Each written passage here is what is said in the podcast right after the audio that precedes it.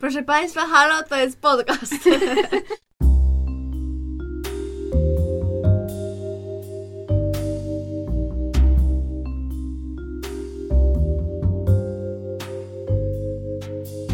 Witamy w bliskich spotkaniach szóstego stopnia. Podkaście o popkulturze, ale głównie o zapomnianych filmach. I o Kevinie Baconie. Ja nazywam się Justyna, a ze mną siedzi jeszcze Paulina oraz Gosia. Dzisiaj film Shattered Glass, po polsku pierwsza strona. Mm, film opowiada prawdziwą historię Stephena Glassa, który w latach 95-98 pracował dla The New Republic i właśnie w 1998 roku na jaw wyszło, że co najmniej 27 z 41 opublikowanych e, i napisanych przez niego artykułów zawierało sfabrykowany materiał. Albo częściowo, albo całkowicie, a co do pozostałych e, artykułów też jakby nie było to w zupełności jasne, czy one też nie zawierają takiego materiału. No i cały ten film to właściwie jest opowieść o jego upadku tak naprawdę i tego, jak oni powoli zaczynają odkrywać jego tajemnicę. No i teraz możemy przejść do pierwszych wrażeń. Okej, okay, to ja myślę, że Gosia może zacząć. E, no więc właśnie moim zdaniem jest to w ogóle ciekawa historia i wydaje mi się, że jakby ja nigdy nie widziałam filmu, który porusza tak jakby taką tematykę, więc jest to tym bardziej w sumie ciekawe. No i chyba jakby jeszcze bardziej jakoś to tam powiedzmy wstrząsa, ze względu na to, że właśnie jest to prawdziwa historia i e, jakby, jak, jakby też fakt, jak łatwo jest manipulować informacjami, które trafiają do, e, do nas po prostu, więc jakby moje pierwsze wrażenia głównie skupiają się właśnie na jakby na samej tej fabule i na tym, że jest jakby odniesienie do, do prawdziwych wydarzeń. Tak, mi się w, w ogóle wydaje, że to jest jakby mega ciekawe, że, że tak naprawdę gazety chyba zawsze były uważane za takie medium bardzo stabilne i takie że no jakby to, to jest takie jednak dziennikarstwo kiedyś było uważane za zawód zaufania społecznego, a tak naprawdę no i teraz się dużo mówi o fake newsach i w ogóle, ale tak naprawdę jakby ten film pokazuje, że, że to nie jest nietypowe fałszowanie historii. Ja też czytałam potem, że to nie był pierwszy taki przypadek w historii gazet, więc, więc według mnie ten film dobrze to pokazuje. Jakby mi się bardzo podobał i, i myślę, że jakby jest wiecznie aktualny, że był przed swoim powstaniem, też aktualny i jest po. No to prawda i że właśnie jakby zawsze gazety były też takim opiniotwórczym y, jakby medium, też szczególnie jakby jeśli tutaj jest historia właśnie o The New Republic, to tym bardziej jakby było to jakieś takie jak to powiedzieć? W ogóle numer jeden magazyn na pokładzie Air Force One, które tam mają w ogóle to jest. A ty Justynka, jakie pierwsze wrażenia? Bardzo pozytywne.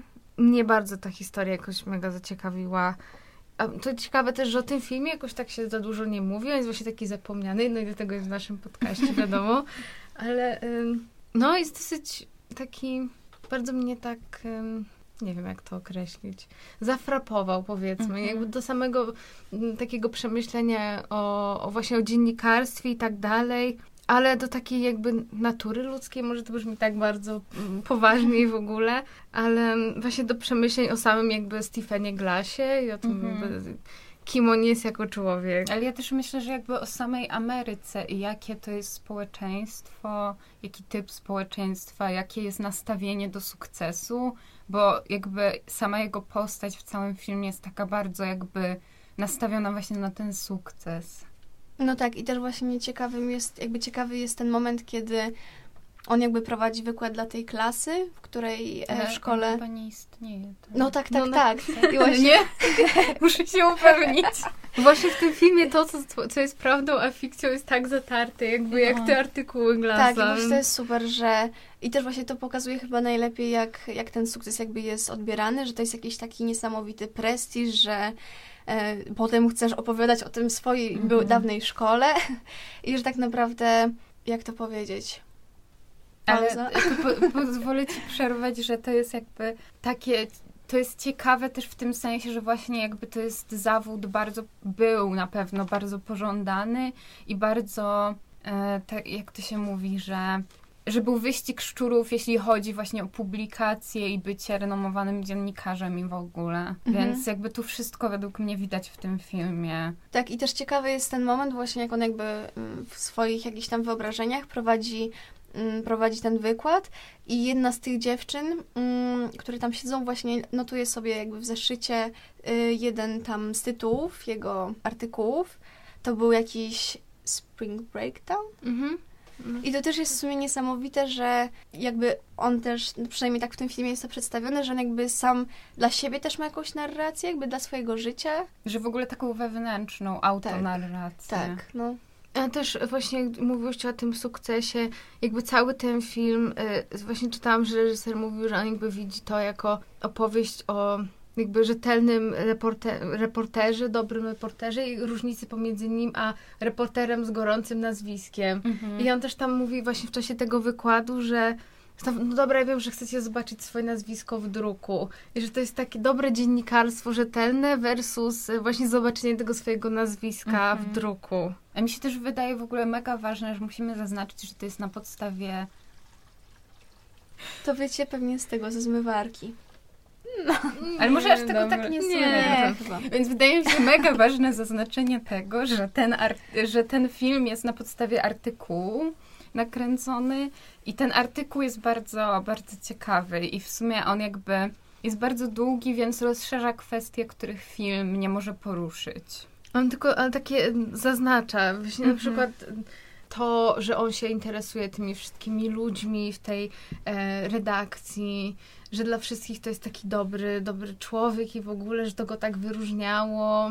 I dlatego oni potem wszyscy jakby stanęli w jego Tak, właśnie obronie. to mu pomagało Mhm. w tej manipulacji, bo w ogóle manipulacja to jest oddzielny w ogóle temat w tym filmie i też jest mega ciekawy w ogóle. Dla mnie to było oglądanie jak on, jakie są interakcje między nim a innymi ludźmi, to było jak oglądanie kogoś w takim toksycznym związku, gdzie jeden partner mówi, że zaraz idzie się zabić, bo chcesz ze mną zerwać czy coś i to jest takie... Mhm. I właśnie na końcu, jak on rozmawia z tym czakiem i Tak. mówi, że tam, ale odwieź mnie na lotnisko, bo ja nie wiem, czy ja sobie czegoś nie zrobię i w O, ogóle... to jest Ale w ogóle ten czak odpowiada coś takiego wspaniałego, że możesz przestać pitchować Mhm. I że koniec jakby tego performance'u. I on powiedział właśnie, że już koniec, że niezła historia, ale przestań pitchować. To było takie wow. To prawda. I jeszcze w ogóle moim zdaniem jakby w dalszym, y, w dalszej części naszego podcastu możemy w ogóle poruszyć jakby kwestie technologii, w sensie w dziennikarstwie, w sensie Tak. jakby mam też takie wrażenie, że gdyby ta historia dzisiaj się y, przytrafiła, to by było to zupełnie jakby inaczej i w filmie, i jakby w prawdziwym Mhm. życiu. No bo jednak internet i też y, jakby dużo większa jakby możliwość sprawdzania źródeł, a jednak tam jakby ten internet jest w jakimś tam dopiero jakimś zalążku powiedzmy i że tak naprawdę jest tak łatwo manipulować, e, manipulować prawdziwymi informacjami. Ale też my jako czytelnicy sami w sumie chyba jakby mi się nie zdarzyło sprawdzać chyba informacji z artykułu. Mhm. Po prostu biorę to za pewnik. Jakby wiadomo, że w redakcji to powinno być rzetelnie sprawdzone, ale jakby my jako czytelnicy chyba nie mamy w zwyczaju sprawdzać takich rzeczy, chyba że chodzi o jakieś na- naukowe artykuły. Ale ludzie też mają taką pewność, że jakby jeżeli coś zostało wydrukowane, to na Mhm. pewno jest prawdziwe. I to też, w ogóle mnie też skłoniło jakby do przemyślenia, że tak naprawdę jakby to, na czym Glass operował, jakby to jest to, że my tak naprawdę nie chcemy czytać nudnych rzeczy i jakby to się wszystkim ludziom podobało i on Mhm. pisał dla i różnych potem gazet i tak dalej. I jakby my trochę też jesteśmy temu winni, że jakby ludzie poszukują takich y, bardzo ciekawych, news, takich Mhm. zahaczających o plotki i tego typu rzeczy. Ale też, że ta redakcja, jak, bo, bo tam w tym na przykład artykule, na którego podstawie to jest napisane, było zaznaczone, że on na przykład robił małe błędy, które były łatwe do wyłapania przez ludzi, którzy sprawdzali jego artykuły, żeby jakby nie zwracali uwagi, że cała na przykład opowieść jest sfingowana. I to też jakby, więc według mnie jakby Glass jest winny, wiadomo, wszystkiemu, aczkolwiek no jakby też trzeba pociągnąć do odpowiedzialności ludzi wokół niego, którzy na to przyzwalali. Co też w tym filmie jest powiedziane, że Mhm. na koniec jakby jego y, redaktor mówi, że to wszyscy my musimy się z tego tłumaczyć, nie Mhm. tylko on. Tam jest ta postać tego ym, Michaela Kelly'ego, granego przez Hanka Azarię, który na początku jest tym redaktorem, który po prostu murem stoi ze wszystkimi swoimi e, e, tym Pracownikami. pracownikami, tak? I, I właśnie tam, nawet jak ktoś jakby zwraca mu uwagę, że tam nie wszystko jest prawdziwe i tak dalej, to on okej, okay, tam zadzwonił do tego hotelu i to sprawdził, ale jakby nie wnikał dalej i zawsze murem stał za nimi. I dopiero ten Chuck, który swoją drogą jakby jest też trochę głównym bohaterem tej opowieści, to y, jakby dopiero on jakby to, że musiał wypracować sobie jakieś tam imię i reputację w tej gazecie, potem jak, jak został tym redaktorem naczelnym, jakby to on zaczyna trochę wątpić i dopiero wtedy jakby udaje mu się, udaje mu się go złapać. Jak nie, nie właśnie nie staje nim Mhm. tak totalnie, tylko pozwala na to, żeby, żeby trochę jakby nie, nie ufać do końca. Ale według mnie to też jakby zaznacza taki mega ciekawy wątek takich pop narracji, które na przykład teraz są popularne w polityce, jakby na całym świecie, ale też jakby to, że właśnie, że ten y, Steven Glass jest taki pop, że on jak im opowiada, jak im piczuje te pomysły, to Mhm. po prostu to jest taki performance i że wszystko jest takie, że on manipuluje tymi ludźmi, bo właśnie interesuje się ich życiem i zbiera o nich informacje. To wszystko jest takie, takie na powierzchni. Tak, a Mhm. jednocześnie na koniec mówi, ale no nie wiem, czy to taki dobry pomysł, nie wiem, czy będę w to wnikał. Tak. I jakby tak sobie robi z siebie takiego biednego chłopca, Mhm. który jeszcze non stop pyta, czy on zrobił coś złego. Tak. I w ogóle, i to wszy- we I cały czas powtarza to zdanie Are you mad at me? I ja po prostu w pewnym momencie myślałam, że nie wytrzymam, że trzasnę komputerem, jak to powiedział To prawda, raz. jakby on gra w taki sposób, że w pewnym momencie już nie można tego znieść, że on jest taki, właśnie, że gra takiego zagubionego i takiego, że jakby każdy myśli o nim, że mimo, że już tam pracuje i ma tam jakiś staż pracy, to jest cały czas jakby młodym chłopcem, który, który dopiero jakby zaczyna tą przygodę z dziennikarstwem i tak dalej i że to ma być jakąś taryfą ulgową dla niego. I też, bo jakby przecież tam nawet w tym filmie jest powiedziane, że on był jednym z najbardziej rozrywanych dziennikarzy swojego pokolenia, że autentycznie każda gazeta chciała z nim pracować, Rolling Stone, nie wiem, no nie pamiętam innych, ale że basically każda, ka, każda gazeta chciała z nim pracować, a on cały czas robił z siebie takiego, ojej, no ale nie wiem, czy puszczę ten tekst, ojej, jestem taki biedny i w ogóle. Mhm. Jednocześnie jakby to jest coś takiego, co lubimy oglądać też jakby w historiach, nie wiem, genialnych lekarzy, czy w ogóle genialnych ludzi, że on jest taki trochę quirky, że chodzi w tych skarpetkach Mhm. po Tak. tej redakcji i że to gdzieś nam wpada w taką lubianą przez ludzi taką właśnie wizję geniusza, który jest trochę dziwny Tak, i w ogóle, Tak ale trochę aspołeczny, Ja w ogóle nazwałam go Nerd Charm Manipulation, bo on jakby totalnie ma taki, właśnie taki nerd wczesnych lat 2000, który ma takie okularki, za duże koszule, Tak, jest taki ten... to, I właśnie, I właśnie też to jest jakby część, że cała jego osoba, nie tylko to, co on mówi, ale też jak się, jak się pokazuje, jak się ubiera, jest też manipulacją. Mhm. Ale też w ogóle jakby dla mnie on wypełnia jakieś takie cechy, które są psychopatyczne. Mhm. W sensie, że ma taką właśnie swoją personę, że tak powiem, takiego właśnie miłego człowieka, bardzo, który się interesuje życiem innych ludzi, ale z drugiej strony totalnie jakby kłamie notorycznie i do końca, Tak. a i, i, i też ym, no, właśnie manipuluje odczuciami innych ludzi właśnie przez to, że kreuje się na takiego biednego i w ogóle, ale też znając jakby ich życie, wykorzystuje po prostu Tak. te fakty. Ale on, bo, bo on chyba właśnie jakby mi się wydaje, że jest totalnie narysowany jako socjopata, w takim sensie, że jakby o socjopatach mówi się, że oni w ogóle są najbardziej lubianymi osobami, ale że pod tymi wszystkimi maskami, że oni do każdej sytuacji mają inną maskę. Tak jak on potrafi być czarujący, ale też chce wzbudzać współczucie i że pod tymi wszystkimi maskami socjopaci sami nie wiedzą, jacy są. I po prostu dla nich całe życie to jest jakieś odgrywanie ról. I ja mam wrażenie, że on właśnie do końca odgrywa te role. Że nawet przed samym sobą, jak mówi do tej wyimaginowanej klasy, to to jest rola samego siebie, bo Mhm. nie wie, jaki jest właściwie. Tak, ale w ogóle moim zdaniem jeszcze też bardzo ciekawe jakby właśnie w tej jakby autonarracji jego, jakby jest odniesienie, to było wspomniane w, w artykule, jakby już w filmie nie, ale chociaż nie. Chyba w filmie też potem jakby na sam koniec była notka, no że jakby on też e, napisał po prostu powieść jakby na to jest w podstawie. ogóle największy to jest w ogóle świata. takie meta, meta, to w ogóle.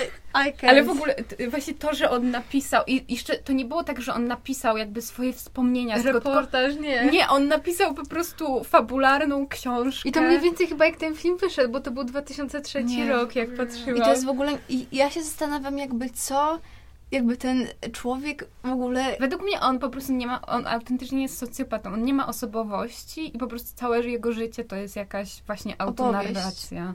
No ale to jest jakby niesamowite, że jakby to jeszcze dalej ta gra się jakby cały czas toczy, w sensie to takie, no właśnie ta narracja samego siebie teraz w kontekście, to jakby może w sumie zróbmy z tego książkę, skoro to jakby jest jakiś taki chwytliwy temat i tak dalej. No. No niesamowite.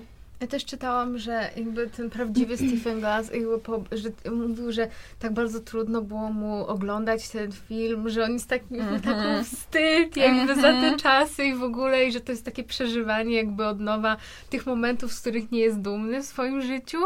I on też miał zastrzeżenia do tego filmu, że on pokazuje go w takim świetle, jakby on jakby czerpał zupełną radość z tego, co robił, a on mówi, że on wtedy był w ogóle miał takie lęki i w ogóle Nie, tak ale- się źle z tym czuł i że był taki przytłoczony. Nie, w ogóle nie, nie Nie. mogę z nim. Ale to jest Ja nie ciekawe, potrafię że... go wyczuć zupełnie. Tak, ale w ogóle moim zdaniem też jest ciekawe to bardzo, że on chyba jest teraz prawnikiem, w sensie... Tak. I to w ogóle...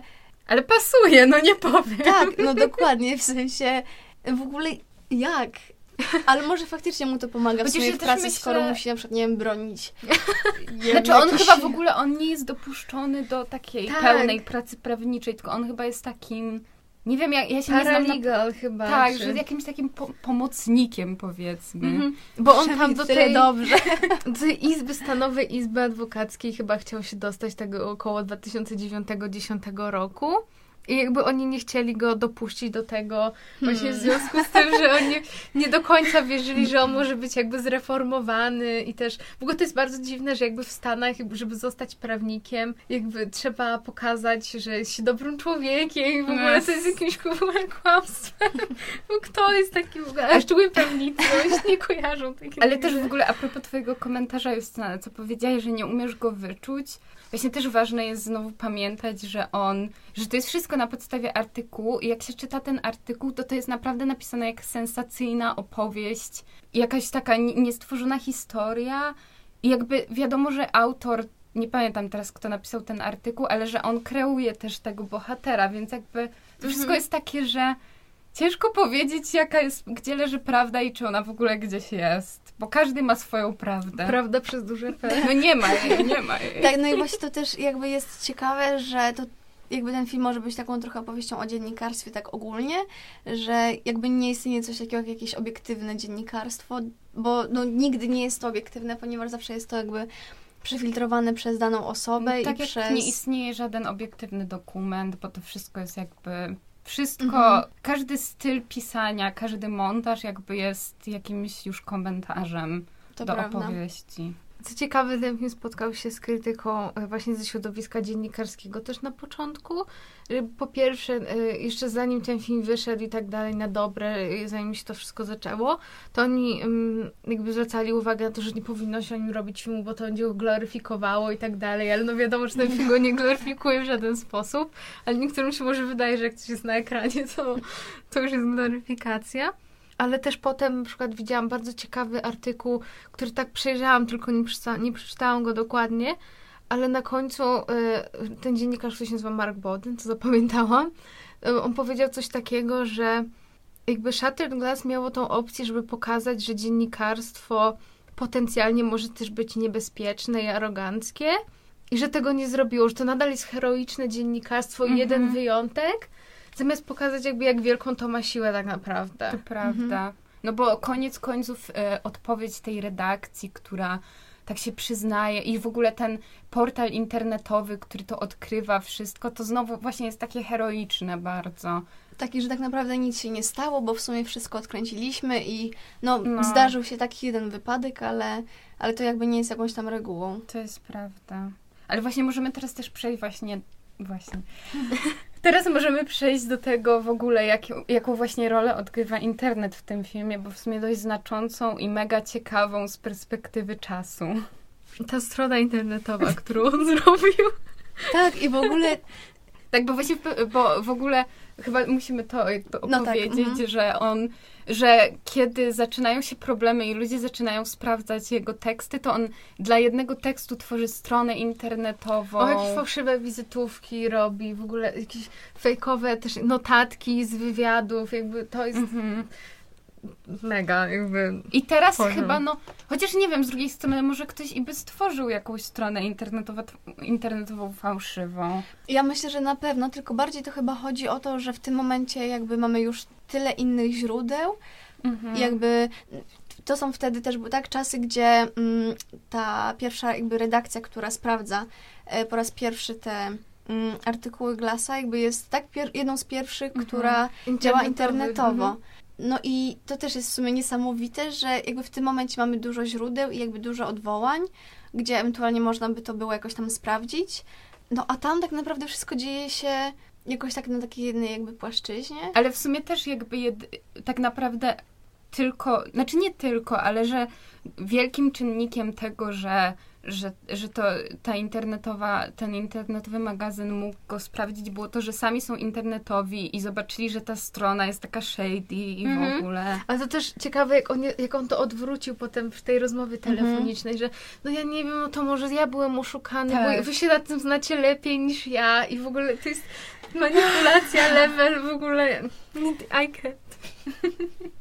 To prawda, ale z drugiej strony to też jest niesamowite, że tak naprawdę te jego jakieś tam kłamstwa nie były tak jakoś super przemyślane, bo... mm, Wszystko robił na bieżąco. Mhm. w Tak, i tak naprawdę potem jak oni sprawdzają, nie wiem, otwarcie restauracji, gdzie rzekomo on tam z kimś rozmawiał i tak dalej i okazuje się, że mm, ona w niedzielę jest zamykana wcześniej, czy tam później. Mhm. Y, jakby te kłamstwa w ogóle nie są jakby dobrze jakoś tak wymyślone, żeby były Bo on się sam zamotał właśnie chyba w tym, że na początku one nie były, te, to były drobne, właśnie Mhm. tak jak się zaczyna od tej lodówki i tak dalej, Mhm. jakby, że to są takie Mhm. jeszcze jakieś tam szczegóły, na które nie wpadają, a potem to już go poniosło totalnie. Tak. Ja myślę, że to jest trafna uwaga, że prawdopodobnie pierwsze jego teksty to były jakieś takie małe fabrykacje, ale no jakby w tym filmie jest zwrócona uwaga na jego ostatni artykuł, który był w całości po prostu, Mhm. że on w ogóle konwent hakerów sfabrykował i że nie, w ogóle, w sensie Ale- to się w głowie nie mieści. Dokładnie, jakby ja sobie w tym momencie nie wyobrażam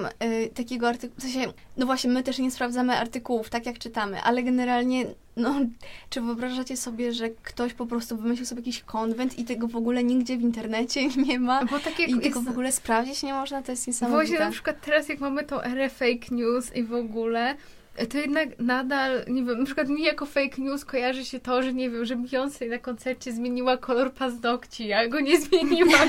I jakby to są takie rzeczy, które po prostu ktoś gdzieś błędnie zanotował, czy coś takiego, ale nie tak kompletnie wymyślone z Znaczy ja myślę, że są na przykład jakieś takie, że ludzie na przykład, nie wiem, potrafią wymyślać.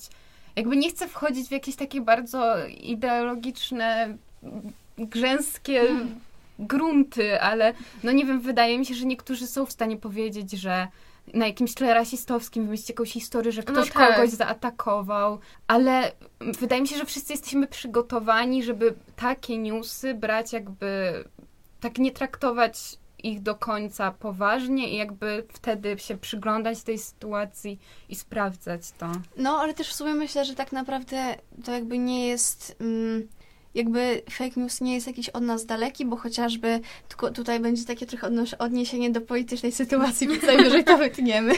Ale chodzi też e, no, chociażby o to, jak TVP przedstawiał e, Czarny Marsz, tak? I że Y, Protest, tak, czarny protest. E, I że po prostu było wtedy dużo turystów i jakby, no, jakby to jest... Ja mam wrażenie, że fake Totalnie news wiemy, teraz ale- nie jest trudny do wyłapania, że, Mhm. że Trump lubi mówić o tym, że wszystko jest fake news, ale to wcale nie jest trudne do wyłapania, kiedy to jest fake news. No tak, i właśnie mi się wydaje, że to też przez to, że jest już tyle, tyle źródeł, tyle źródeł i możemy jakoś to tam mm, mniej lub więcej zweryfikować. No bo w sumie każdy, in- znaczy, dobra, ka- ludzie, którzy mają obejście z internetem, wiedzą, że pewne rzeczy warto sprawdzać na różnych stronach, potwierdzać to i tak dalej. Więc jakby jeśli coś brzmi tak średnio, no to wtedy człowiek jakby się temu poświęca. Ale ja myślę, że fakt, zwłaszcza, że wtedy jakby po pierwsze nie mieliśmy tego internetu tak rozwiniętego, a po drugie, że to był taki renomowany magazyn. W sensie ja nie wiem, czy ja bym teraz sprawdzała jakieś artykuły z New Mhm. York Timesa, no bo uf, to jest To taki prawda. magazyn zaufania. Ale w ogóle też to, to tak trochę by the way będzie, ale przypomniało mi się, że była ta cała akcja Reserved chyba dwa lata temu, że stworzyła właśnie tą reklamę z tą, dziew- znaczy, Tak. z tą dziewczyną, która szuka Wojtka i tak, Tak. dalej. I to jest. O, to zaraz ten, zaraz ci opowiemy wszystko. I że to jest dla mnie niesamowite, że właśnie tak naprawdę ta manipulacja jest i tak nadal bardzo prosta do jakby Mhm. do zrobienia. Bo to była taka akcja, że w internecie pojawił się filmik jakiejś dziewczyny, która mówi, Jakiś że taki zagraniczny. Tak. Taki, no. y, która opowiada o tym, że była na koncercie gdzieś w Polsce chyba i że spotkała jakiegoś tam Wojtka, coś tam i y, że w sumie to nie wymienili kontaktów, ale że ona go szuka i gdyby ktoś mógł znaleźć właśnie do niego jakiś kontakt i tak dalej, to ona by była bardzo wdzięczna, bo chciałaby tą I relację to była jakoś tam... kampania Reserve. Tak, i w ogóle ludzie się w nią mega jakby zaangażowali. No, ja w ogóle już nie pamiętam takich szczegółów, ale tam chyba i ktoś tam szukał i tak dalej. No i w ogóle to jest niesamowite, jak to. Ale to Jak mi to się oddziałuje. strasznie kojarzy z kampanią reklamową Blair Witch Project, gdzie Mhm. oni stworzyli fejkowy dziennik tej bohaterki, stworzyli stronę internetową. W ogóle ludzie wysyłali listy do rodziców aktorów, którzy grali tych Tak, bo właśnie bohaterów. udawali, że oni są zaginieni. Tak. naprawdę zaginieni. No. I wtedy to chyba, w sensie wtedy to już chyba było takie, że no wszystko, szybko się ludzie zorientowali, że to nie jest prawdziwe, ale że to jeszcze był taki moment, ja nie pamiętam, który to rok, no ale też chyba jakieś dwutysięczne. No, tak. Więc to też było takie, że na początku to naprawdę ludzie na poważnie brali. Ale właśnie w tej kampanii Reserve tak, ludzie się tak czuli mega oszukani po prostu. Tak, Tak, i właśnie że to się jest. tak zaangażowali, ktoś z nich zrobił jaja tak naprawdę. Tak, i jeszcze mi się wydaje, że jakby ze względu na to, że to jakby była historia miłosna, w cudzysłowie to Mhm. nazwijmy, to jeszcze bardziej jakby ludzie, myślę, że właśnie w to jakby poszli na to i że chcieli jakoś tam pomóc i tak dalej. Jeszcze w ogóle, że jest to dziewczyna z zagranicy, a my z Polski i tu jakiś Wojtek, to w ogóle czujemy się wyróżnieni, No tak. nie wiadomo jak. Wojtek Chrystus. Więc myślę, że już to tym bardziej, e, tym bardziej jakby ta manipulacja była może jakoś tam łatwiejsza. Właśnie to mi przypomina, e, jak oglądałam parę materiałów z zakulis i Peter Sarsgaard mówił, że on jako Chuck Lane, ja tego nie pamiętam w filmie, ale on powiedział, że ma taką kwestię, jest okej, że e, najciekawsze nie jest to, że media kłamią, ale to, dlaczego my wierzymy w te kłamstwa. I Mhm. to jest jakby też takie trochę sedno tego filmu i w ogóle całej tej No. historii. Damn. A ja w ogóle chciałam też na chwilę powrócić do tego wątku, że w ogóle jakby jak to obrazuje amerykańskie społeczeństwo jakby ten purytanizm, który zakłada, że Amerykanie są wybranym narodem, który jakby, że jeśli odnosisz sukces, to dlatego, że on był ci predestynowany i nie wiem, czy to w ogóle jest słowo. słowo. No ale wiecie o co Mhm. chodzi. Ale I piękne, ten. piękne są.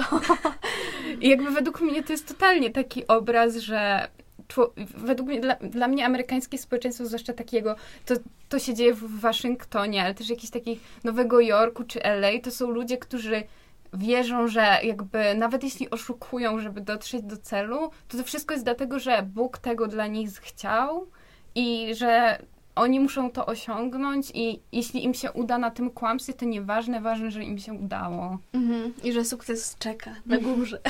A też w tych materiałach, które oglądałam, też Hayden Christensen mówił, w ogóle cichy bohater, będziemy jeszcze o nim mówić, ale e, on opowiadał, że jakby według niego to, dlaczego właśnie Glass fabrykował te materiały, to głównie z dwóch powodów. Jakby po pierwsze nacisk jego rodziny na sukces, a po drugie właśnie sama ta jego satysfakcja jakby z tego, że stał się nagle takim po prostu Mhm. rozrywanym dziennikarzem. I ja myślę na ten sukces jakby, bo to nie jest tak bardzo mm, eksplorowane w tym filmie. Jest tylko wspomniane o tym, że jego rodzice chcieli, żeby on tam był albo doktorem, albo prawnikiem i dlatego idzie do tej szkoły prawniczej Mhm. i tak dalej.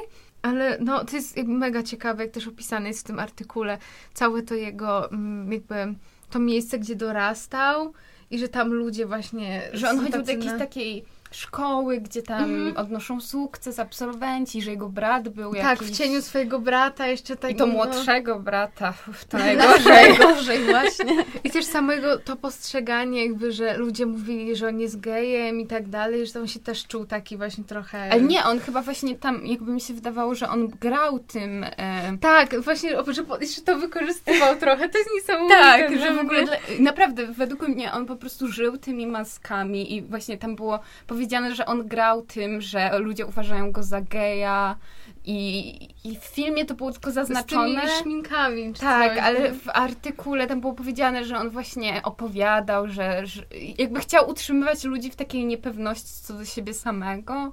I to też jest jakieś mega ciekawe. Ja na przykład chciałabym jeszcze porozmawiać o bohaterze Hanka Azari, bo Michael Kelly, bardzo mi go było szkoda, ale był naiwny No. i tak I wyszło. w prawdziwym życiu chyba był jeszcze bardziej naiwny i ja go... Nie wiem, czy w prawdziwym życiu jakby tak za nim stoję, ale mam wrażenie, że Hank Azaria bardzo dobrze go zagrał. Mhm. Jakby... Bo on... Jak przychodzi do niego ta, ten Steven Glass, to on, to on tak w końcu go pyta, no ale czy przy mnie też fingowałeś te rzeczy? I jakby jest... Chyba dochodzi do niego, że zdradził go jego pracownik, ale w prawdziwym życiu on chyba długo jeszcze stał murem za, za tym ziomkiem. I w ogóle to na, na początku jeszcze tak właśnie do, rozmawiał z tymi innymi czasopismami i tymi oso osobami, które tam jakby zwracały uwagę na te błędy i tak dalej. I właśnie żądał przeprosin i w ogóle. Ale potem chyba, jak, jak czytałam w którymś z tych artykułów właśnie, że w nim było coś takiego, że no, jakby, że ma do siebie trochę pretensje, y, że nie przewidział tego, jakby nie, że był taki ślepy na to jakby. No nie dziwię No, się, no. tak, I też się no. poczuł oszukany na pewno. Tak, ale właśnie mi zawsze, mi, zawsze mnie to zastanawia, jakby jak jesteś na takim stanowisku jakimś kierowniczym, że na ile jakby na ile też mo- możesz pozwolić sobie być partnerem dla Mhm. jakby swoich e, jakby ojejku, nie podopiecznych, tylko no, pracowników, tak? no. E, Na ile właśnie możesz mieć jakby relacje partnerskie i tak dalej, a jednak na ile musisz też jakąś taką jakby pewną dozą Według mnie naprawdę trzeba dystansem? znaleźć złoty środek, bo choćby, no nie wiem, jak my miałyśmy staż w te wakacje, ja siedziałam jakby przy laskach, która jakby jedna była taką mentorką drugiej, to jakby tam mega widać było, jak ona umie jakby być partnerką dla tej młodszej dziewczyny, a jednocześnie jak ta młodsza zrobiła coś źle, to ona mówiła, hej, tutaj to jest nie tak, musisz to załatwić, musisz to zrobić tak i tak.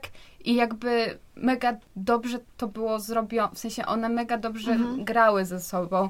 A tutaj według mnie właśnie, właśnie nie wiem ci, czy ci ich redaktorzy naczelni, zwłaszcza właśnie ten grany przez Hanka Azarię, byli tak kompetentni w tym sensie. On nawet, jeżeli ten właściciel tej gazety zwrócił uwagę na te błędy jakieś w przecinkach i tak dalej, to w ogóle na niego wyskoczył, jakby nawet nie potrafi przyznać, że no okej, dobra, były błędy, ale to się poprawi, nie? Tylko jego od razu staje Mhm. w obronie i jest taki bardzo defensywny.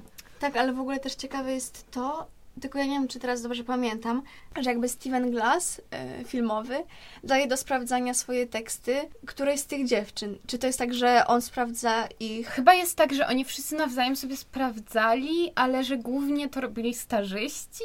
On tak mówi, że tam jest taka luka jakby w tym systemie. Tak. Ale też wiem, że jakby w tym, w prawdziwym życiu to on chyba był w pewnym momencie na czele tego wydziału jakby A. z fact-checkingu i Tak. tak dalej, co jakby No to dalej w ogóle jest mu na... niesamowite. Ale mi się wydaje, że teraz w ogóle, w sensie w dziennikarstwie, jakie ja przynajmniej kojarzę, to są po prostu działy, które Mhm. robią research i jakby się tym zajmują, a tam to było takie, takie trochę nieprofesjonalne. I właśnie to powraca do mojej takiej teorii tego, że tam wszystko było takie pop, taki pop dziennikarstwo, że wszystko jest robione tak, a my się tu przyjaźnimy, a tutaj nie ma, tam starzyści sprawdzą, albo my sobie posprawdzamy i Tak, tyle. ważne, że jakby to jest jakiś zabawny styl, Tak. dobrze się to czyta Mhm. i te historie są jakieś takie niechłonne, tylko jak to się mówi, że są czytane i w ogóle. Mhm. Poczytne. No. Przy czym też y, na początku jest zaznaczone, co ja przeczytałam, że oni dodali to na początku filmu y, po to, mm, że, żeby jakby ludzie nie mieli w związku z tym pretensji, bo po pokazach jakichś tam po, początkowych ludzie jakby nie potrafili uwierzyć w to, że ta redakcja jest taka młoda i tam dlatego jest na początku napis, że tam mediana osób pracujących w tej redakcji to wtedy było 26 mm. lat, a jakby Glass miał wtedy tam 24 no. czy coś takiego, więc jakby to też byli młodzi ludzie gdzieś tam, no jednak jak masz 26 lat, no to jesteś jakiś na początku tej drogi, nie?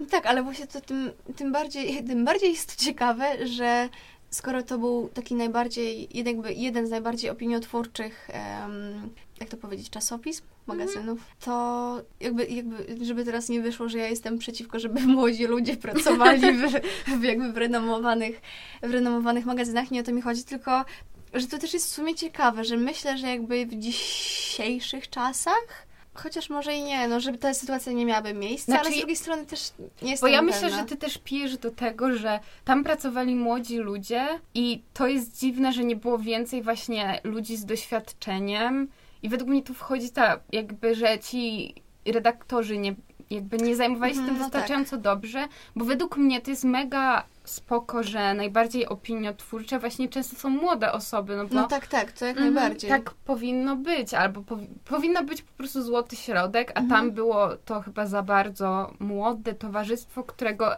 edy- znaczy ci redaktorzy nie potrafili za bardzo okiełznać. okiełznać no. Mhm. Ale też bardzo mi się podobał ten bohater jakby Petera Sarsgaarda, ten mm -hmm. Chuck, bo on wchodzi tam właśnie jego, od razu z jego straconej pozycji, bo wszyscy tęsknią za tamtym starym redaktorem naczelnym i jeszcze dla nich to było takie dosyć nie fair, że on w ogóle przejął tą rolę i tak dalej, po tym jak tamten został wyrzucony.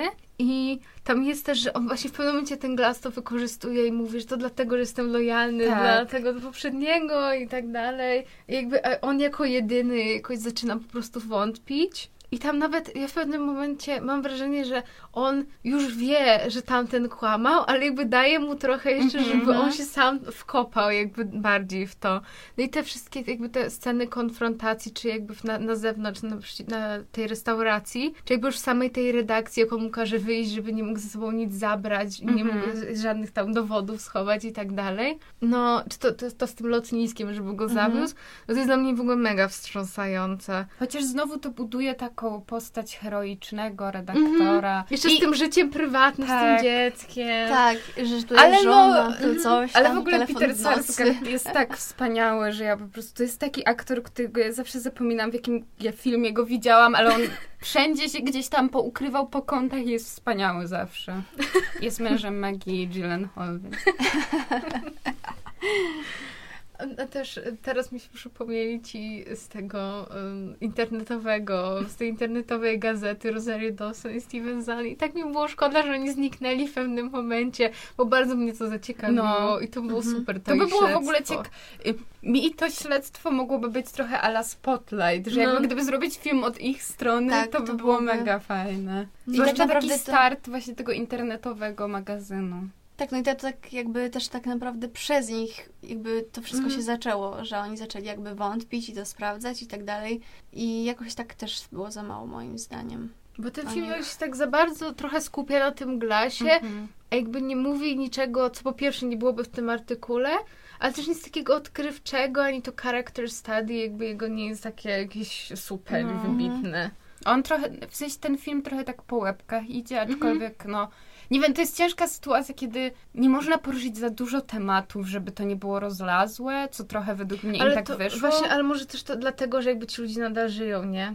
Jakby to, jeżeli ten no film tak, wyszedł w 2003, no to no to, to, to było parę lat sprawa jakby... w sumie. Znaczy, no już mm. teraz nie tak bardzo znaczy, to jest, ale to jest wtedy... ciekawe, że to było 15 lat temu i z perspektywy czasu to nie jest dużo, ale tak się dużo zmieniło z tym internetem. To prawda. I to jest szokujące. I też jakby, w, jakby ze sposobem prowadzenia dziennikarstwa i tak dalej, że to wszystko jakby znacznie, no właśnie się zmieniło. I dziennikarze teraz się w ogóle strasznie nisko ocenia ich zawód, w sensie, że ludzie nie lubią dziennikarzy i im nie ufają już. A kiedyś mhm. naprawdę to był, w sensie, to to naprawdę było właśnie zawód społecznego zaufania i jakieś tam miał odpowiedzialność. Bo też nawet na początku tego filmu e, no są wspomniani ci dziennikarze z Watergate i jakby ten film trochę nawiązuje do swoją drogą tak formalnie trochę do takich filmów z lat 70. z taką trochę powolną narracją i właśnie i Tam się mi nic nie dzieje za Tak. bardzo, a się tyle dzieje. Tak, i to mi się kojarzy właśnie ze wszyscy, wszyscy ludzie prezydenta i tak dalej,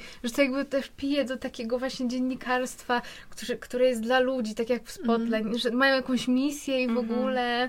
Chyba- ten, ten... Ale to jest ciekawe, bo temat, w sensie ten, y, ten Steven Glass, cały czas chcę mówić Philip Glass, jak ten kompozytor, ale ten Steven Glass jakby jest idealnym przykładem i to, że on nie jest jedynym, który fingował, że jakby dziennikarstwo nie jest złote, a z drugiej strony ten film próbuje bronić to dziennikarstwo. I to jest takie... Że okej, można bronić dziennikarstwa, ale właśnie jest postać heroicznego y, Mhm. redaktora i w ogóle i tutaj mi się to trochę nie zgrywa w takim sensie, że Trzeba się zdecydować, co się chce powiedzieć i jakby poświęcić tej narracji. Ja też w czasie oglądania filmu zapisałam sobie zdanie, czy on sam za- zaczyna wierzyć w swoje własne kłamstwa. I to jest dla mnie pytanie. Ale ja się bardzo uczepiłam tego, że on jest socjopatą i uczepiłam się tego, że on jakby, dla niego nie ma różnicy między kłamstwem a rzeczywistością. On w nic nie wierzy, on tylko wierzy w to, co kreuje i nie wiem, jest po prostu... Nie wiem, czy on w coś wierzy po prostu. Ale ja myślę, że to też jest takie, mm, jak to powiedzieć, z jednej strony trochę ludzkie też doświadczenie, w sensie wydaje mi się, że jeśli bardzo coś chcemy, żeby wyglądało inaczej, jakby wpajamy sobie to mówiąc właśnie innym, jak e, postrzegamy jakąś rzecz, jakby kreujemy to, co chcemy, żeby inni też tak to odbierali, to w pewnym momencie już sami zapominamy, że jakby jest to kłamstwem i jest to przez nas wymyślone. Ja się totalnie zgadzam, tylko właśnie dla mnie ta jego postać jest po prostu No tak, tak. socjopatyczna Mm. i tak apatyczna w jakimś To sensie, prawda. że ja nie wierzę, że on w ogóle ma, jest jakiś. Mhm. I no i, ta, i, i Pewnie się naoglądałam na YouTubie dokumentów o socjopatach, więc... to dlatego. Ale w ogóle może porozmawiajmy o tym właśnie, jak, jak sam aktor odgrywa postać Stevena Glassa, Bardzo bo... to czekam od początku, żeby do tego nawiązać. No bo to jest, to jest coś. Jak, jak, pierwszy raz, jak pierwszy raz przeczytałam o tym filmie, czy nie przeczytałam, obejrzałam film Screen Junkies, gdzie oni rozmawiali o takich filmach, które są dobre, jakby nikt ich nie widział i tak dalej. E, To e, Dan Merrill chyba wtedy o tym opowiadał i mówi, że jak ktoś mówi, że Hayden Christensen jest złym aktorem, to on każe oglądać ten film. I To ja chcę dać kontrapunkt, bo... Znaczy kontraargument, bo według mnie on totalnie nie jest dobrym aktorem. W ogóle nie gra głosem, tylko że to pasowało do tej postaci, ale jak Ben Affleck w Gonger. No naprawdę, że on po prostu się urodził, żeby grać jakiś określony typ postaci i akurat to pasuje, ale ja nie mogłam znieść, jak on wypowiadał słowa i on tak cały czas mówił tak samo, w ogóle nie modeluje głosu. I ja wiem, że angielski to jest trudny język, żeby czasem tak modulować głos, ale mógłby czasem go modulować.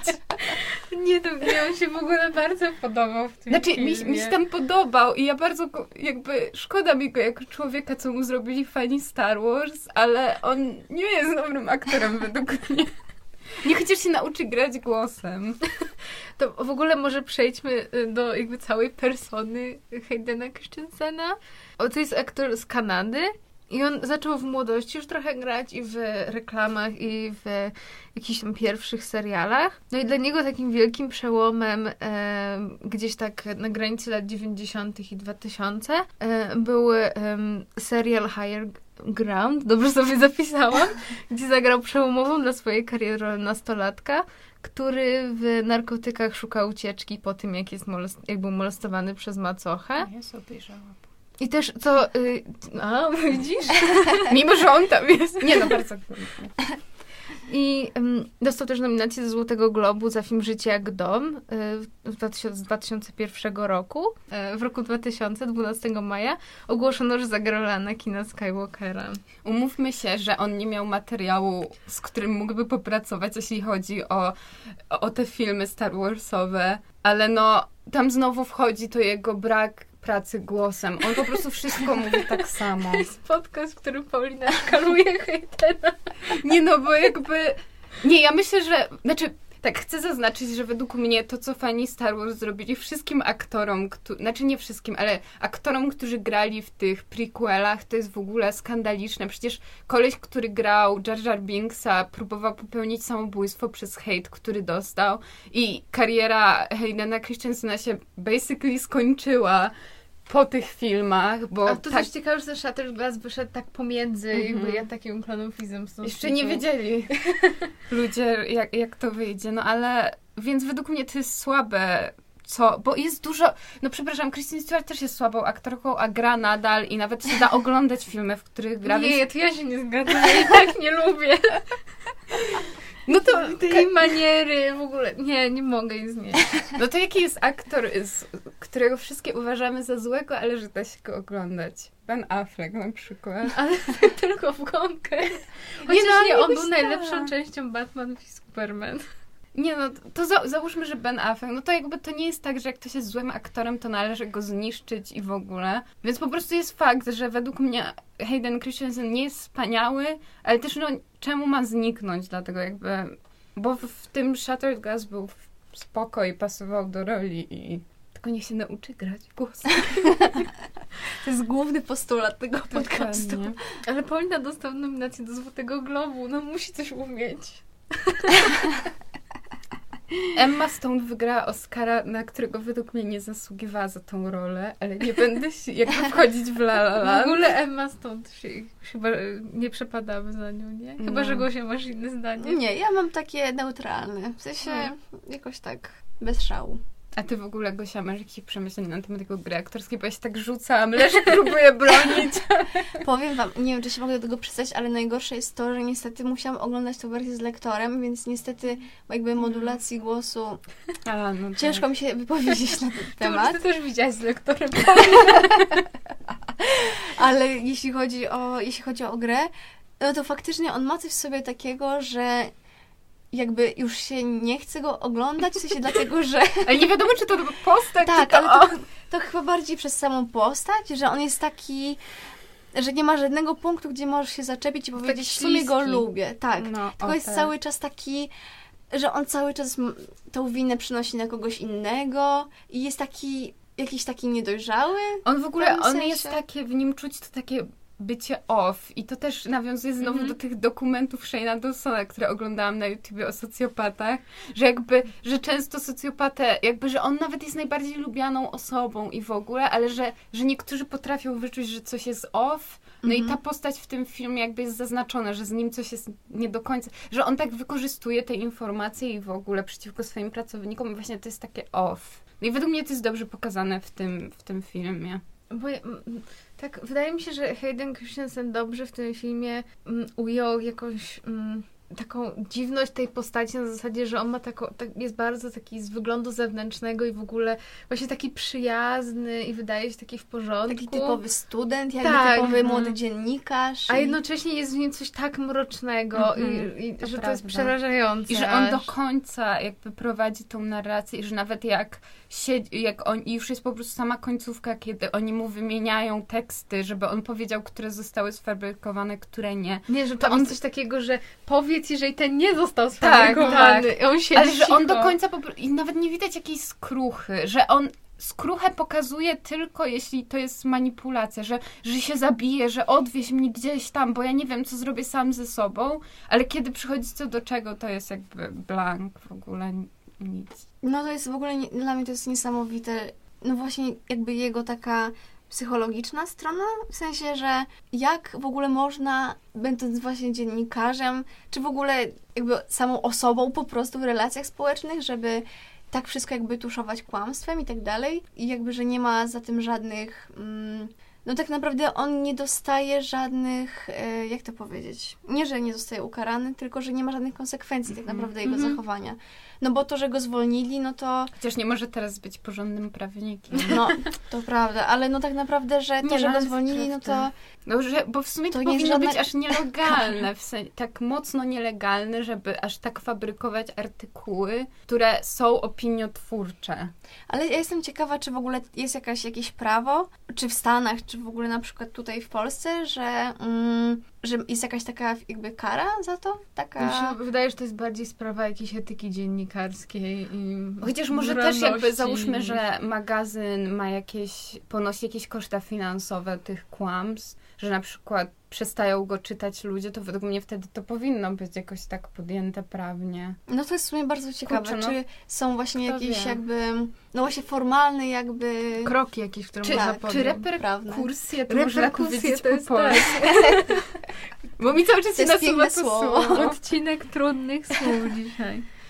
No. No i tak, i to, to jest ciekawe bardzo. Bo to jest przerażająca wizja, że jakby dziennikarstwem, tak jak każdym innym zawodem, mogą się zajmować różne osoby, a Mhm. dla nas to się wydaje takie, że jak to na przykład powiedzmy, że ten socjopata, czy coś jakby, że też może jakby uprawiać ten zawód, a właśnie dziennikarz to jest z jednej strony jakiś tam zawód trochę zaufania społecznego, a z drugiej strony właśnie tak jak kiedyś wspomniałaś Paulina wcześniej, że no dziennikarze tak średnio się teraz kojarzą. Ale w ogóle, bo to jest w sumie ciekawe, że głównym takim motywem łączącym jego artykuły, jeśli dobrze zrozumiałam z filmu, było to, że były zabawne i że były jakby, że, że były zabawne, a jednocześnie to były takie wydarzenia, że trudno w to uwierzyć, że one nie miały w sumie żadnej głębi. W sensie, Tylko, że to- takie wyłapane Tak, takie. tylko że wymyślił sobie, że w ogóle jakiś młody haker żądał kupy kasy i dziwnych rzeczy i to jest takie śmieszne, ale tak naprawdę czy, a ten na przykład postać Petera Sarsgarda tam wyjeżdża do jakichś wojennych, do jakichś miejsc objętych wojną i stara się coś z tego wyciągnąć. Bo I, to też nie chodzi, bo też trochę, to, co z tego filmu tak mi się wydaje, że nie chodzi o, też o to, jakby to, jak on pisał i tak dalej, tylko że on po prostu miał taki trochę talent do znajdywania jakichś ciekawych tematów, które nie były jakoś bardzo obciążające No. właśnie tak społecznie i tak dalej, po prostu się dobrze czytało. tak, No i tak, tak to to sprzedać. prawda. No, bo w sumie koniec końców jest jakieś tam dziennikarstwo śledcze, czy to, czy to ten spotlight czy cały, czy w ogóle, to jakby to jest duża odpowiedzialność społeczna i część zadań dziennikarzy jest, żeby takie historie słyszeli ludzie, ale z drugiej strony to też jest sprzedawanie gazet i to jest wszystko sprzedaż i ciężko chyba się utrzymać pismom, które chcą tylko jakby publikować poważne artykuły, że jakby trochę muszą robić o wszystkim, żeby to się Mhm. sprzedawało. I to jest taka Mhm. smutna trochę jakaś sytuacja, chyba od zawsze każdego medium. No tak, że jakby jest też to wszystko nastawione na, tak, na jakąś taką konsumpcję mimo Mhm. wszystko. Tak, no ale właśnie to też jest ciekawe, że jakby my tutaj cały czas poruszamy to, że e, no, że ten dziennikarz z jednej strony jest tym zawodem zaufania społecznego i tak dalej, i tak dalej, a to faktycznie nie były jakieś mm, artykuły, artykuły, które by krzywdziły kogoś w ten, jakby w pewien sposób. Z tą konferencją tych konserwatystów czy coś No tak, takiego, no to tak. oni się oburzyli, ale mi tam nie szkoda. No tak, ale że one jakby nie były chyba wymierzone jakoś, też jakby no nie znamy wszystkich artykułów, tak, ale że one chyba nie były wymierzone w, jakoś tak w ludzi, tylko po prostu Ale tylko... to, to, to też był taki, mam wrażenie, prehisto... Kurczę, jak to być preinternetowy clickbait, w ogóle same te... I sam, Mhm. jakby, bo sam artykuł o Stevenie Glassie się nazywa Shattered Glass, tak jak film, i to jest bardzo dobry tytuł. I też te tytuły, że Spring Breakdown, to też jest mega dobry tytuł, że jakby, że to wszystko było takie clickbaitowe i Mhm. takie właśnie pop. Dobra, zeszłyśmy trochę z tematu. Ja chcę wrócić jeszcze do Haydena. Był moim crushem kiedyś, jak byłam młodsza, ale nieważne. E, I no może do tego go bronię. E, Freud. Freud. O nie! W tym podcaście Freud jest zakalony. No blaming the mother. Dobrze. Ale myślę, że w ogóle Paulina powinna się jakoś nawiązać do Harry'ego Pottera. Bo w poprzednim odcinku było nawiązanie do Harry'ego Pottera, to ja żądam w tym też. O, tam była taka, ja pamiętam, w czarze, w czarze ognia była taka dziennikarka. A tak, Rita Skity.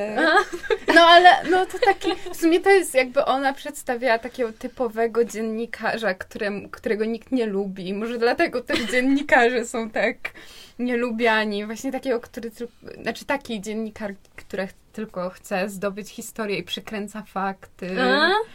No jest O, to to- połączenie, to jest. ciekawe. Harry Potter to wszystkim jest. Udało się. Udało się, dobra. No, ale właśnie bym chciała zbadać, dlaczego Hayden Christensen już nie gra. I czy to naprawdę Harry... Co? Nie Harry Potter. Nie wiem, czy mam powiedzieć to zdanie w porządku, czy zostawić moje piękne freudowskie jakże prze- przejęzyczenie. Ale dlaczego on już nie gra w Gwiezdnych... Ale dlaczego po Gwiezdnych Wojnach on już jakby przestał grać i gdzie jest jego kariera? Modulacja głosu po prostu. Dla mnie to jest mega czynnik, że Gwiezdne Wojny jakby nikt go nie chciał, stał się trochę toksyczny, ale też on chyba wziął wtedy ślub i może się zajmował tym dzieckiem, nie I w wiem. 2007 roku kupił farmę. No, No mi się wydaje, że jakby na pewno po części był to jego jakiś świadomy wybór, że on się trochę odciął i na przykład przez parę lat w ogóle nie grał. I jak gdzieś czytałam, że on tak mm, wiedział jakby, że no jak nie pojawiasz się przez parę lat na ekranie, no to jakby to będzie miało skutki dla twojej kariery i tak dalej. Ale mm, no też na pewno jakby te wszystkie filmy, po, w których on wystąpił po właśnie Star Wars były troszkę tragiczne. to ja w ogóle nie. Czy on był w, pu- w No na przykład A, Przebudzenie, pamiętam, oglądałam. Przebudzenie Miałam, z Jessica Alba. ja chyba wtedy miałam na niego crusha. I, on, I to dostało nominację do Złotej Maliny za Jumper też pamiętam go Ale tam. Jumper to jest w ogóle jakiś tak dziwny film, że bez Ale to jest komentarza. film moich dwuna... Jak miałam 12 lat, to mniej więcej oglądałam takie filmy i bardzo je lubiłam. No, potem w ogóle jakieś, jakieś dziwne takie beklasowe w ogóle filmy akcji W jakieś. ogóle nie kojarzę nic innego z tej Więc... Mm, o, ten film w 2014 Outcast Banita to jest z Nicolasem Cage'em film. No to jak jest Nicolas Ja kocham Nicolasa Cage'a, ale to jest ten gorszy Nicolas Cage. Ale może im gorszy, tym lepszy, nie wiem, w zależności jak ktoś na to patrzy, ale no, no tak. Pamiętam jak wychodził ten film i dużo ludzi właśnie było takich, okej. Także no, I czy jakieś plany są naszego Haydena przyszłe? no, wystąpił w tej komedii romantycznej, o której przed nagrywaniem trochę rozmawiałyśmy. Ktoś nazywa Little Italy i on tam gra w ogóle Włocha, no. Ale gdzie jest, jest taka historia miłosna właśnie z Emmą Roberts, czy tam dwie jakieś rodziny włoskie tam z pizzą w tle, A, bo ty- rywalizujące. Bo jak o tym opowiadałeś, to powiedziałaś Julia Roberts. Ja miałam Powiedziałam takie- Julia tak. Roberts? Ja miałam takie, O że okej. Ale dobra, to już kojarzę, że widziałam zwiastun tego Nie, Emma. Roberts. No, Ale to wyglądało tragicznie, tak no to na bardzo tragiczne. na świecie. Także, no chyba nie, jakoś rychły powrót to nie wygląda, żeby... Ja mam wrażenie, się- że on potrzebuje na przykład takiego dobrego reżysera, który poświęci się, że w sensie poświęci czas, żeby na przykład pomyśli, o kurde, chcę widzieć tego kolesia jako kolejnego socjopatę i zrobi wokół niego film, to wtedy będzie wielki powrót Haydena Christensena, ale nie zapowiada się, żeby ktoś Mhm. chciał się tak... Ja muszę wtrącić, że ten podcast sponsoruje słowo socjopata. Przepraszam, no. Nie, nie, ale dobrze, zawsze trzeba jednak tak wymienić. Ostatnie dwa tygodnie to jest, to jest dla mnie oglądanie filmu o socjopatach. No, nie, mówię, jemu ktoś musi dać jakąś szansę kiedyś, proszę, bo No. będzie smutno. Bo czy to też nie było tak trochę właśnie z tym naszym Benem Affleckiem, że jego też za bardzo nikt, jakby, że on trochę przeszedł w reżyserię albo grał w filmach, które tam jakoś sam wyprodukował. albo grał w filmach, które jakoś tam sam wyprodukował z, z, z nie wiem, no w sam ogóle to, że on się obsadził w Argo, No, no, ale... jako taki, tak, postać takiego la- latino Tak, pochodzenia, tak. to jest dla mnie szczyt wszystkiego. Ale ja piję też do tego, że właśnie ten, ta Gone Girl jakoś tak mu chyba, że było takie, no on nie jest dobrym aktorem, ale pewne role umie grać i zaakceptujmy to. Ja, ja chciałabym, żeby wszyscy słuchacze też zaakceptowali to, że to jest uwielbiany przez nas książka i film. To w ogóle musimy o tym totalnie kiedyś pogadać. I, I casting Bena Afflecka to jest bardzo dobra rzecz, najlepsza w ogóle. Mhm. I jak trzeba, żeby ktoś zagrał człowieka bez emocji, to właśnie Ben Affleck się Ale do tego który nadaje. próbuje mieć emocje, który próbuje mieć emocje. wychodzi. Tak jak Christopher Nolan próbuje zrobić emocje w swoich filmach i też mu nie wychodzi. Próbuje stworzyć kobiece postacie, ale też nie wychodzi. Możemy jeszcze chwilę porozmawiać o, już tak zbliżając się do końca, o takiej stronie formalnej tego filmu. I no, tam się właściwie w ogóle nic nie dzieje tak formalnie za bardzo. Ale mi się na przykład bardzo spodobała muzyka w tym filmie, ale też wydaje mi się, że teraz bardziej ta, ta historia mogła być opowiedziana w taki sposób jak Big Short na przykład. Mhm. I ja sobie tak wyobrażam, Tak. że to mogło być mega Ale ciekawe. to znowu byłaby taka popowa, Popowa otoczka. bardzo, no. I to by pasowało, no. A tutaj jest, to jest taki thriller, gdzie jest tak dużo jakoś emocji, napięcia, że właśnie formalnie by mogli sobie pozwolić trochę na tą oszczędność. No, że chyba to by jakby, jakby jeszcze próbowali robić jakieś tak rzeczy na siłę. Właśnie, bo według mnie na przykład Big Short, mi się, ja, mi się nie podobał ten film za bardzo i wydaje mi się, że gdyby formalnie nie był ciekawszy, to w ogóle bym No nie, wyłączyła ten posnęli, film. naprawdę tam. Bez Margot Robbie w wannie. Chociaż z drugiej strony według mnie Spotlight, który jest o innej tematyce, ale też jest jakby wątek dziennikarstwa, to jest film naprawdę przegadany i formalnie jakoś tak on też jest szybki jest taki, że to gra ze sobą, a tutaj jest po prostu formalnie nijaki Mhm. i to jest okej. Tak, bo chyba bardziej skupia się jakby wzrok y, widza na... Znaczy wzrok, lol. Jeszcze raz, że, Uwaga. że bardziej uwaga widza skupia się na samej właśnie tej postaci i tym, że ta historia jest tak jakby inna od wszystkich, które są opowiadane, że... Poza tym każde słowo, ciekawe. które on wypowiada jakby jest cenne, bo to znowu jest tworzenie jakiejś autonarracji, więc jakby warto, żeby... Ja na przykład mega zwracałam uwagę, jak na, on na początku ma to niby przemówienie do tej klasy, bo właśnie każde słowo jest manipulacją też widza. Mhm. Mhm. Mm, Też, że jakby na samym początku on jest trochę przedstawiany jako, taki po prostu zwykły bohater tego filmu. I dopiero z czasem następuje taka wolta, że okazuje się, że on nie jest właśnie tym głównym bohaterem, Mhm. któremu ty masz kibicować, bo nie chcesz No. mu kibicować. Ja myślę, że to jest mega dobry film, żeby go obejrzeć bez czytania za bardzo tej historii.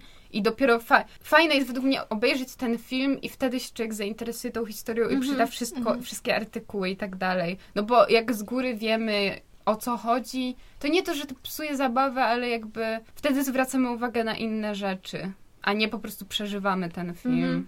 Czyli po prostu nie należy słuchać naszego podcastu przed oglądaniem Tylko tego. absolutnie. Tak, filmu. bo, ale jak już dotarliście do tego momentu, to już trochę tak za do- późno. Ale no, też mnie uderza to, że to jest dosyć takie smutne, że ten film jest nadal aktualny. Chciałabym, żeby nie był Ale on, aktualny. on w, w sensie, mi się wydaje, że on zawsze nawet po prostu 100 lat temu był aktualny, tylko Mm. u, lubimy sobie tak mówić, że ojej, jak te czasy, te, te ostatnie 20 lat, Kiedyś jak do dupy. No ale fajnie by było, jakby w przyszłości się coś zmieniło, Mhm. ale no...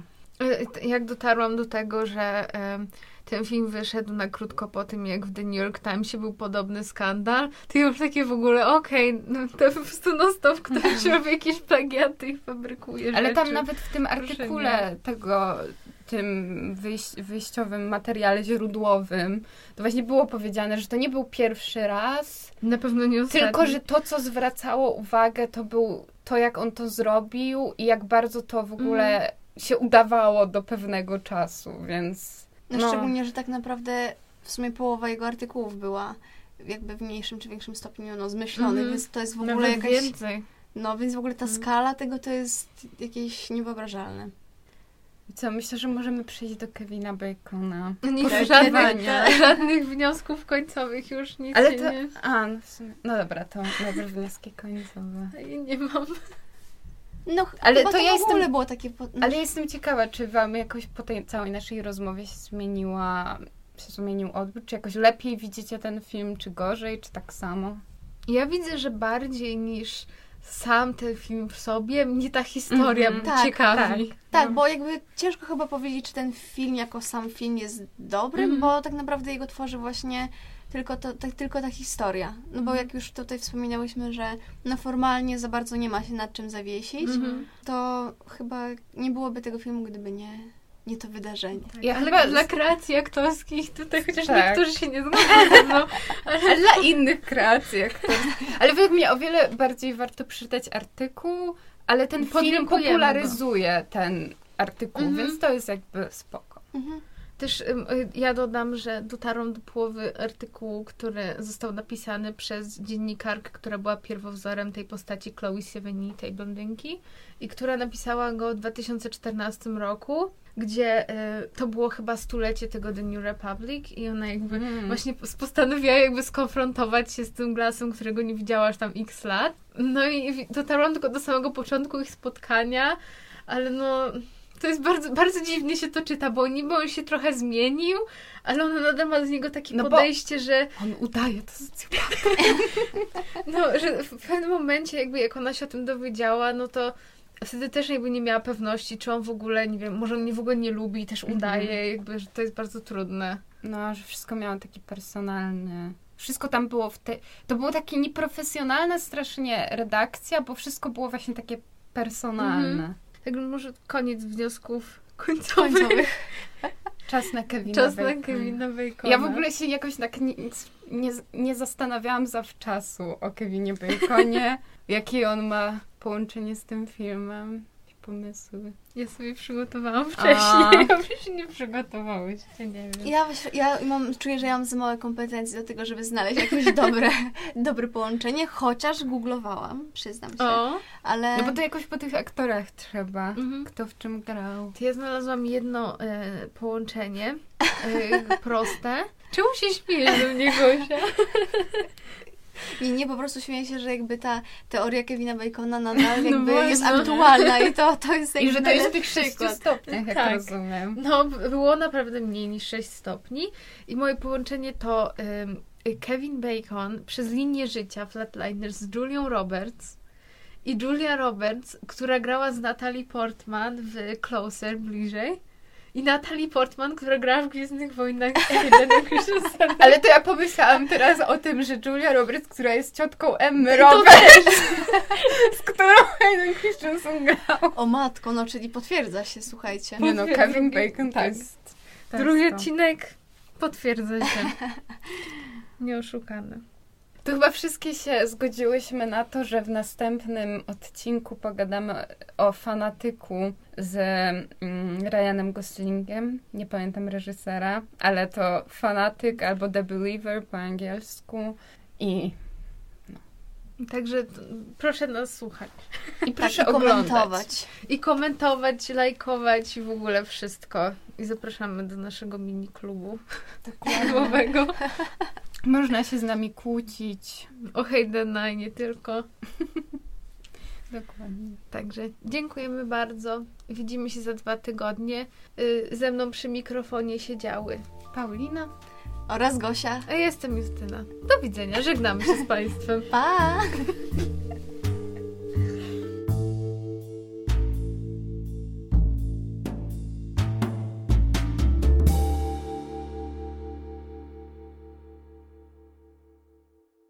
W ogóle, ale muszę by the way zrobić. Ja zawsze zaczynam, mogę powiedzieć od tak, ale ciekawe jest to. Ale myślę, że ja nie widzę w siebie ta, też coś tam, co ciekawe. Nie, to nie wiem. Interesującym jest. Gosia, chciałam- możesz się przybliżyć troszkę. wiesz? Dobrze.